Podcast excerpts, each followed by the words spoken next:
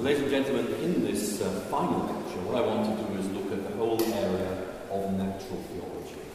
And I want to look at this both as something that is theologically interesting, but also I think as something that really opens up important apologetic possibilities. And in many ways, natural theology is a very obvious dialogue partner between the natural sciences on the one hand and Christian theology on the other. And the topic of natural theology does interest me quite a lot, and I'm afraid I've published quite a lot on this recently. And um, there is the latest book I've written on this. And the reason I've actually put the cover on the screen is that we're very close to Norway. And actually, I chose a cover title by um, a Norwegian artist, which uh, I think is rather nice, and there's his name. I'm afraid I can't pronounce it. Um, there we are. Um, and uh, basically, natural theology, I think, is a way of thinking about the Christian faith and the natural sciences, which has lots to offer us. So, what I'm going to do is to explore this with you and just open up some possibilities.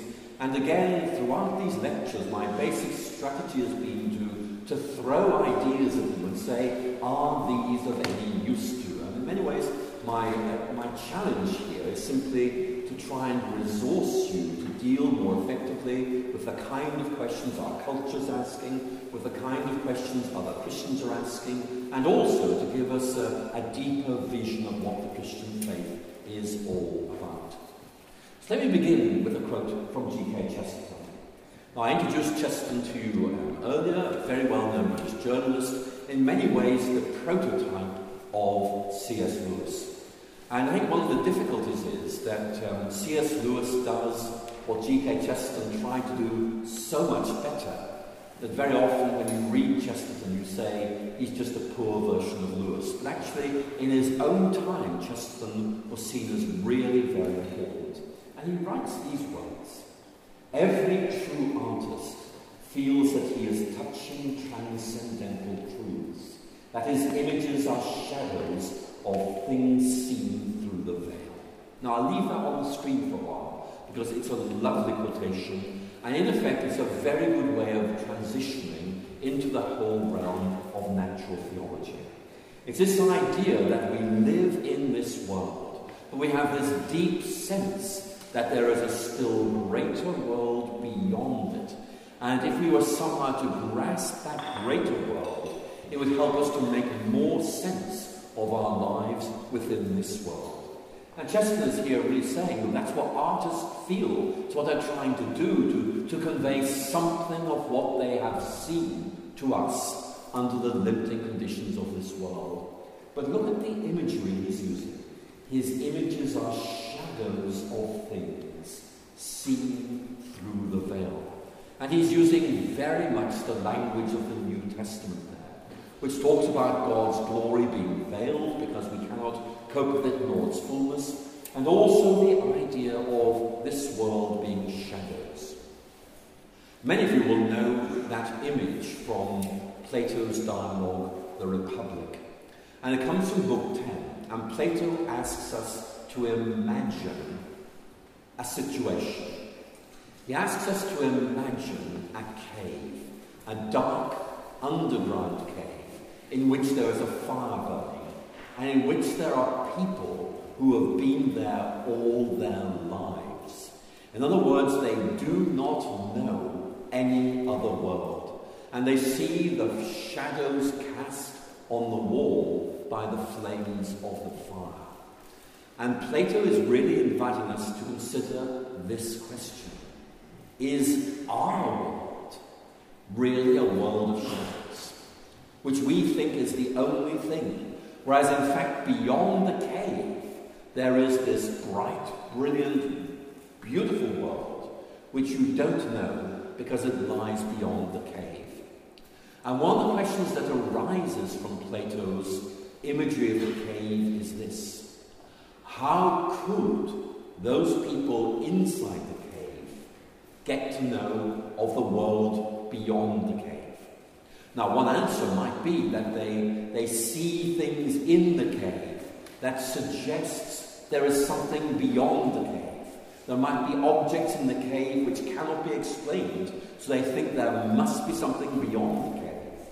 But of course, the best answer of all is that maybe somebody from that greater world could go into the cave and tell them about it and make it possible for them to go into this new world. So you can see there, you know, all the whole idea of natural theology, the idea of incarnation being opened up in very interesting and accessible ways. And in many ways, Chesterton is kind of way hinting at this in his language. So that's from the Everlasting Man. So let's begin with a classic English work of natural theology. This is Joseph Addison, who wrote a very famous hymn in the early 18th century, which includes these words The unwearied sun from day to day does his Creator's power display, and publishes to every land the work of an almighty hand. It's part of a longer poem that's actually become a very popular hymn in England. But the basic theme is that the beauty, the regularities of the world point us beyond them to God as their creator. And in many ways, one of the cornerstones of natural theology is the Christian doctrine of creation. It's the idea that God is like an artist, someone who creates something that is beautiful. And just like an artist leaves his signature, some way of saying, This is my work. So in looking at the beauty of the world, we're able to appreciate it for what it is, but also appreciate it because it is a shadow of God Himself. And that's the theme I'm going to explore in this lecture. Why am I doing that? Well, here in Scandinavia, I think there is a very important reason for doing this. There are many people in this part of the world who, in effect, will see respecting nature and loving nature and you know, venerating nature as being very, very important but will not connect up with Christianity at all. In effect, they have what you and I might loosely call a pagan way of looking at things, which exults in the beauty and the grandeur of nature, and then says, that is it. One of the ways of connecting with this way of thinking is a natural theology, which begins by saying, Isn't nature beautiful? But Nature is pointing beyond itself. We can appreciate for what it is, but that is basically like reading a letter from someone you love and saying, Oh, isn't it nice paper? Look at the beautiful handwriting. And failing to realize what is actually saying and the connection with the author who is someone that you love. So, what I'm going to do in this lecture is begin to explore some issues and see where they take us. Let's begin by asking what actually is the idea of natural theology itself. And what I need to say to you is that this word means many possible things. For some of you, the phrase natural theology means something like this proving the existence of God on the basis of purely natural processes of reasoning or by an appeal to the natural world. In other words, if you disregard revelation, you use simply natural reasoning processes or an appeal to the natural order. I want to say that those ideas are important, but they are not the only ways of thinking about natural theology. It has also been used, that phrase, to mean something like a Christian way of looking at nature. In other words, almost a theology of nature. It can also mean the fact that there seems to be a resonance between the world we observe and what we would expect on the basis of the Christian tradition. But rather than worry about definitions, I'm going to say let's just work for our purposes this afternoon with the idea of natural theology as this idea that in some way there is a connection between the natural world as God's creation and the nature of God Himself. How do we understand that? What can we do with this? Here's a quote from the medieval writer Bonaventure. And many of you will have read Bonaventure, for instance, Spirituality is a very interesting writer. But what he is saying here is that this world points us beyond itself. All the creatures of this sensible, he means physical, world lead the soul of a wise and contemplative person to the eternal God, since they are the shadows, echoes, pictures, vestiges, images, and visible manifestations of their eternal origin. They are put before us for the sake of our knowing God. And many of you will know the great Renaissance tradition of what is sometimes called the two books the book of Scripture, the book of nature. And each of them points to God, but in different ways. The book of nature gives us an intimation that there is a God, but doesn't help us to find God or tell us what God is like. Whereas the book of Scripture gives us a framework for making sense of nature, including establishing that vital link between nature and God, and amplifying and clarifying the nature of this God and making salvation possible. So there's some very interesting ideas here. So we come then to um, scientism. Now I've talked about scientism already today. And uh, here's a definition of scientism published in a recent collection of essays in a journal of philosophy dealing with the new atheism. And I think it's a very good definition of scientism. Do you remember I defined scientism very loosely as the view that science is the only way of answering our great questions? Here is this writer's definition of scientism. It is, he writes, a totalizing attitude that regards science as the ultimate standard and arbiter of all interesting questions. Or alternatively, that seeks to expand the very definition and scope of science to encompass all aspects of human knowledge and understanding. And what I want to say to you is that this, this idea is there in our culture. Sure, there are many critics of this idea in your culture as well, but this is an idea that you will need to engage with. And what I want to do briefly in this lecture is to open up ways in which natural theology might be able to do this. So let's begin by picking up on a theme I mentioned in an earlier lecture based on the works of Richard Dawkins. And this is his book, Unweaving the Rainbow. Unweaving the Rainbow. And in that book, Dawkins argues that if you believe in God, then that attenuates your aesthetic vision of nature. Put it another way, if you believe in God, you do not appreciate the beauty, the wonder of nature in the way that an atheist would.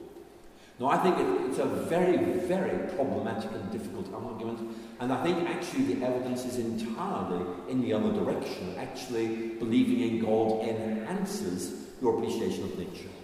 But let me open up what Richard Dawkins is saying. How might we appreciate the beauty of nature, and where might that take us? Dawkins begins by making the point that in his view, Christianity gets in the way of grasping the beauty of nature. But those who are psychologists will say, well, look, there is a problem here in that beauty, the perception of beauty, is not something that goes through a kind of atheistic or theistic filter. We have to understand this, and then we make a response of you know, admiration of beauty. It's something that happens immediately. It's a matter of perception. You look at something, you say, my goodness, that is beautiful, before you've had time to think, what is it I'm looking at? That's one of the reasons why um, recent Christian apologetics has focused more on the experience of beauty. In the past, it would be arguments for God's existence or inferring God's existence from the orderedness of nature. Now, you very often say that the beauty of nature needs an explanation. Because scientifically, it's actually quite difficult to explain why we find nature so beautiful. So it's very interesting how this is opened up. But the point I'm making is that when I and Richard Dawkins look at the same beautiful landscape, I suspect we probably think very similar thoughts, despite the fact that he's an atheist and I'm a Christian. Belief about God just doesn't affect the way in which we intuitively respond to a beautiful landscape, to a beautiful person, or indeed to uh, you know, a breathtaking scene set up in the mountains where you suddenly become aware of the vastness of creation. But there's another level at which this might happen. Dawkins argues that it's not just nature itself that can be beautiful, it's also theoretical representations of nature. Why is it, for example, Paul Dirac asked, that mathematical equations describing the world are often so beautiful and so elegant? And Dawkins argues that in some way religious people have difficulty in dealing with that. But I don't see why. Because in many ways, what you are saying is that nature at every level expresses beauty, both in terms of how we see it and how we represent it mathematically. Now, many of you will know, if you're a physicist in particular, that the Scottish writer James Clerk Maxwell, who became one of Britain's greatest 19th century physicists, set out a set of equations which, in effect, demonstrated the, the, the identity, really, of electricity and magnetism. And what is not widely known is that James Clerk Maxwell was a Christian who took the view that God created everything, and therefore there had to be a fundamental interconnectedness of things and therefore saw this demonstration that electricity and magnetism were two sides of the same coin as being a, an affirmation of the coherence of the world and the coherence of the Christian way of thinking. So I'm not really sure what Dawkins is saying here. But there's a third point, and it's something we really need to emphasize. Christians value the beauty of nature. And one of the reasons they do this is because nature is beautiful. But the other reason is that the beauty of God, as Bonaventure was saying in that earlier slide, points us towards the greater beauty of God. What we see is wonderful. One day we will see something even more beautiful. And what we now see is like a foretaste, an anticipation, a sketch map of that greater beauty which one day we shall see. So I'm puzzled by what Dawkins is saying here. And it seems to me that a natural theology is a very powerful critique of scientism. Because scientism tends to reduce nature simply to formulae, things like that. And it seems to me that very often it robs nature of its beauty. There's a point made by John Keats, an English poet, and this is Keats reflecting on his concerns that somehow science might impoverish the beauty of nature. He's using the word philosophy here to refer to natural philosophy. And his worry is that science will evacuate nature of its beauty and wonder. I will read the words and then explain them and then ask whether Keats is right. Do not all charms fly at the mere touch of cold philosophy? There was once an awful rainbow once in heaven. We know her woof, her texture. She is given in the dull catalogue of common things. Philosophy will clip an angel's wings. What's he saying? The word woof there um, doesn't refer to the noise of dog necks. Uh, it, actually refers to the way you weave a piece of cloth. In other words, it's about the fabric of the world. What Keats is saying is that science, in effect, because it uses a reductionist method to achieve its results, has to reduce, dilute, or even destroy the beauty of nature to make sense of it. And that's why he uses this um, language about the rainbow. He's saying that the awe and the beauty of the rainbow is damaged by scientific interpretation. And he talks about a dull catalogue of common things. In other words, it's reduced to the ordinary. Philosophy will clip an angel's wings. In other words, something that was made to make us want to soar upwards loses its ability to do so. Now, I can see Keats's points, but I do think he overstates here. Of course, science can rob nature of its beauty, in the sense that it offers an explanation of why we find something to be beautiful. But it does not stop us as experiencing something as beautiful. So my feeling is that Keats here is exaggerating, even though I am very sympathetic to some of the things that he is saying. This is Reinhold Niebuhr um, talking about what I think is really interesting, which is in effect a parallel between scientism and fundamentalism. And some people find this puzzling, but actually, I think there is something in this. Fundamentalists have at least one characteristic in common with most scientists.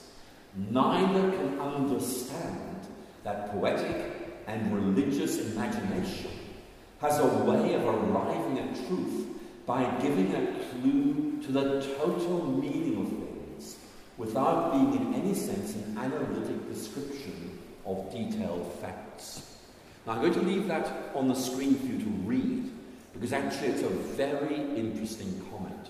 And it goes back to a question that was raised earlier this morning, which basically is, you know, how do you evaluate a way of looking at things. Do You try and have a checklist of rationality so you can begin to work out whether something is credible or not. And what um, Reinhold Niebuhr is saying here, long before Richard Dawkins began to write in this field, is that what he calls poetic and religious imagination has a way of, look at this language, arriving at truth by giving a clue to the total meaning of things. And what Niebuhr is getting at is those moments where, perhaps briefly, we feel that a light has been turned on and we see something, or perhaps a curtain has been drawn aside and we see something very, very briefly, but it's there and we can see that bigger picture and it stays with us and in many ways, that's what natural theology is doing. It's in saying to us, there is this natural world around us. We're part of it. But we begin to realize that it is disclosing and hinting something that is greater because God has created this and us, and the created world is studded with clues and signs of the presence and love and power of God. You might think, for example, of Psalm 19, verse 1 the heavens declare the glory of the Lord. It's a very powerful text. I think it raises in our minds this question of being able to look at the beauty of nature and then being able to make a connection between that and God Himself. In the Old Testament, I'm showing you, there's always a tension here between looking at the beauty of nature to see God. Think, for example, of uh, the book of Job, particularly the last three chapters, and looking at the actions of God, what God has done in history. Israel, on the whole, tend to remember what God did in history, the Exodus and so on, rather than the beauty of nature. But today, that theme of the beauty of nature, I think, is very important for most of us. This is the American writer Jonathan Edwards, writing in the 18th century, and Edwards here is making this connection between the beauty of nature and its creator. And he's asking us to imagine accompanying him as he walked along the Raritan Valley. So try and imagine a beautiful wooded river valley here in Denmark. And listen to Edwards' thoughts and ask whether you've ever thought similar thoughts as these. Here's what he says When we are delighted with flowering meadows and gentle breezes of wind, we may consider that we see only the emanations of the sweet benevolence of Jesus Christ. When we behold the fragrant rose and lily, we see his love and purity. So the green trees and fields are shadows of his infinite beauty and loveliness. Why shadows? Because they're slightly dark and they don't fully disclose the light and the colour of God's beautiful creation. What Edwards is doing here is mapping out a way of holding together those who believe in Christianity and those who love the beauty of nature. And so, one of the things I want to emphasize is that there are possibilities here for you to think about how you connect Christianity with the relatively large number of people here in Scandinavia who do appreciate the beauty of nature, but see Christianity as in effect having nothing to do with that whatsoever.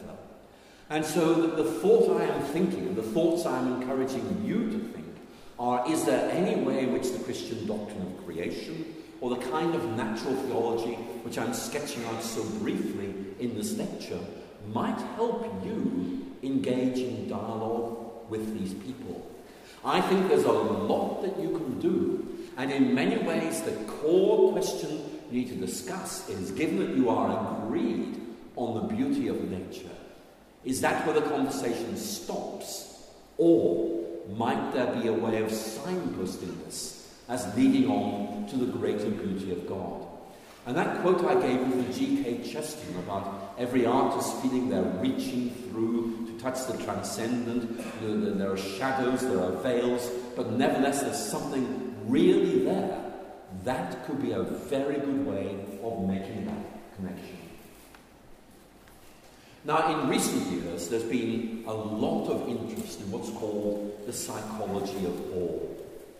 And this is not the kind of reductionist stuff that tries to explain this away. It's very much asking what is characteristic of this sense of awe that so many people experience in the presence of natural vastness. And one of the answers is that the specific sense of awe arises because psychologically we find it virtually impossible to get our minds around the immensity of a natural vista, for example, a mountainous landscape. And therefore, we experience a sense of awe because we realize we cannot fully take this in. Now, I think this is very interesting, and it does open up some very interesting questions. But what I want to point out is it also helps us understand what Christian worship is all about. Because in many ways, what Christian worship is about is about realizing that we've come together in the presence of something that is awesome. Not in the kind of trivial American sense of that word, but rather the sense of something that is so astonishing that we struggle to take it in fully. Now, in theology, we use the word mystery. And a mystery does not mean an irrationality. A mysterion, to use the Greek word, is much more about something that is so immense that we simply cannot get our heads around it. Now, Richard Dawkins and I disagree on lots of things, and I think you'll have gathered. But there's one passage in one of his books where he talks about the idea of mystery. And he makes this point isn't it ridiculous to assume that the minds of people like us, who in his view have evolved to deal with medium sized objects moving at medium sized speeds in medium sized landscapes, can actually cope with the mystery of our universe? In other words, he's saying that we struggle to take in the immensity of our universe. And I think that's one of the things that's there in Christian worship. It's this realization we've come into the presence of something and someone which is so immense that it, it evokes a sense of wonder and awe.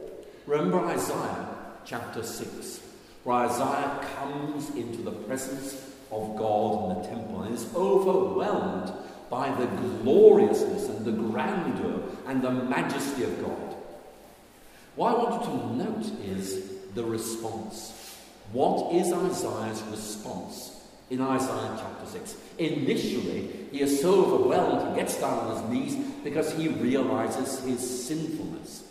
I am a sinful man. Then God deals with the sin. And look at the second argument. God says, Who shall we send? And Isaiah is so animated and inspired by this vision, he says, Here am I, send me. Now, I think that is something very important. I remember um, talking to some atheists in a meeting in London some years ago, and just out of interest, I asked them what they were doing on Sundays. I explained I was leading some worship services and how worship was really very exciting because it made us realize how we were in the presence of something bigger than us, and that worship, in effect, was recognition of our smallness in the presence of a, a, a living and loving God. And they said, Well, we are going to meet, uh, six or seven of us, and we're going to have some sandwiches and tea, and we're going to watch a Richard Dawkins video. and I have to say, and I'm sure you'll think I'm being a very harsh person here, I thought, how sad, you know, that, um, that they are simply watching another human being uh, and, and not something that will really excite and animate them. Because worship, I think, is about this realization of the wondering glory of God, which excites us and animates us. And this is the point I think I need to make to the theologians present. Theology does its job best when it makes us want to worship God. I think there's always this danger that we simply think of theology in terms of getting ideas right.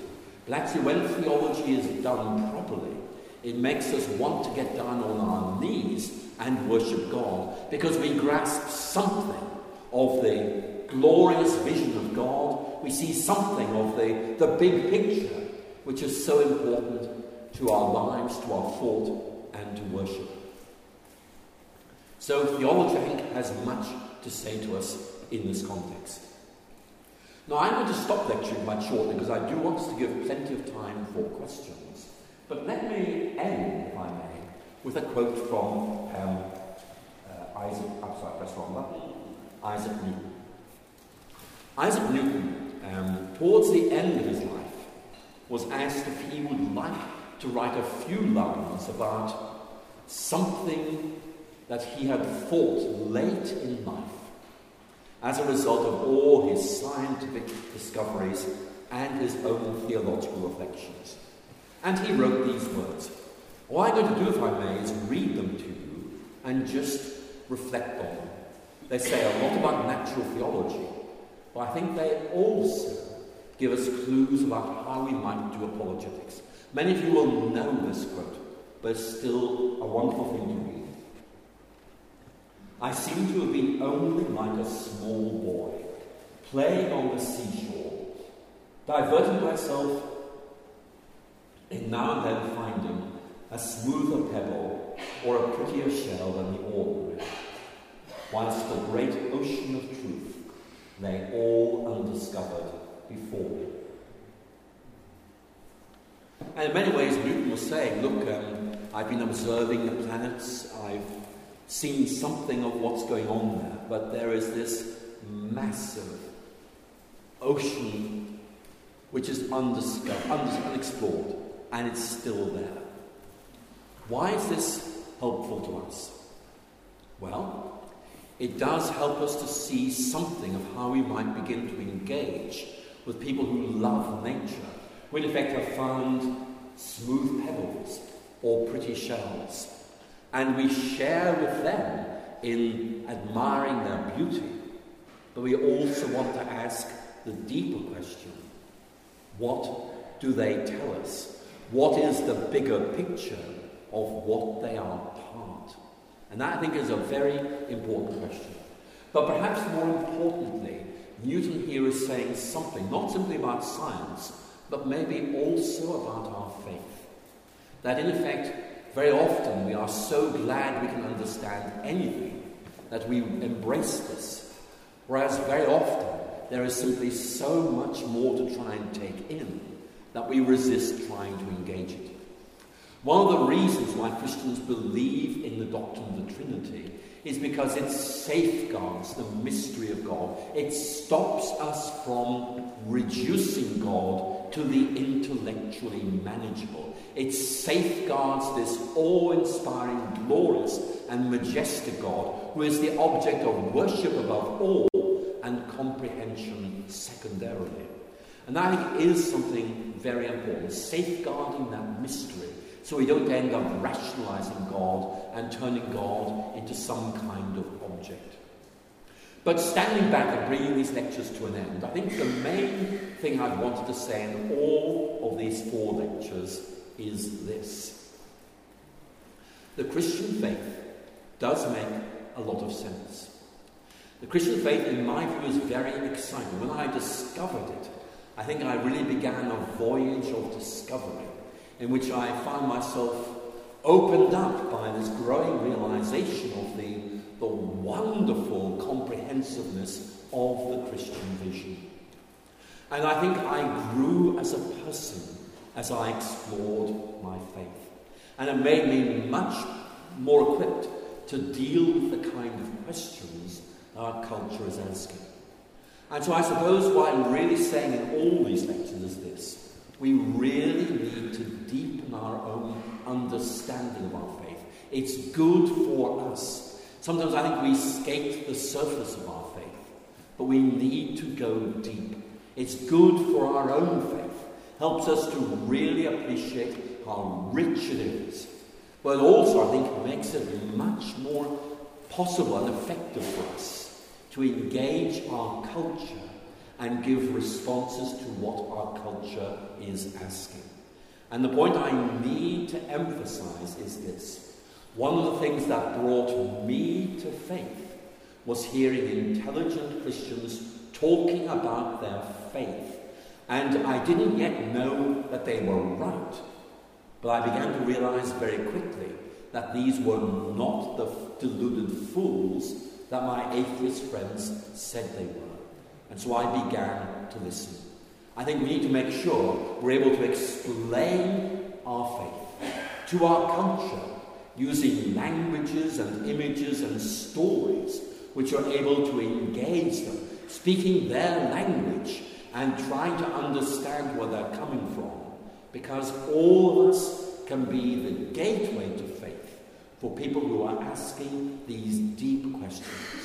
We just need to be able to help them to see that there is so much more to the Christian faith than what they know and help them to discover it in all its richness. Ladies and gentlemen, thank you so much for listening.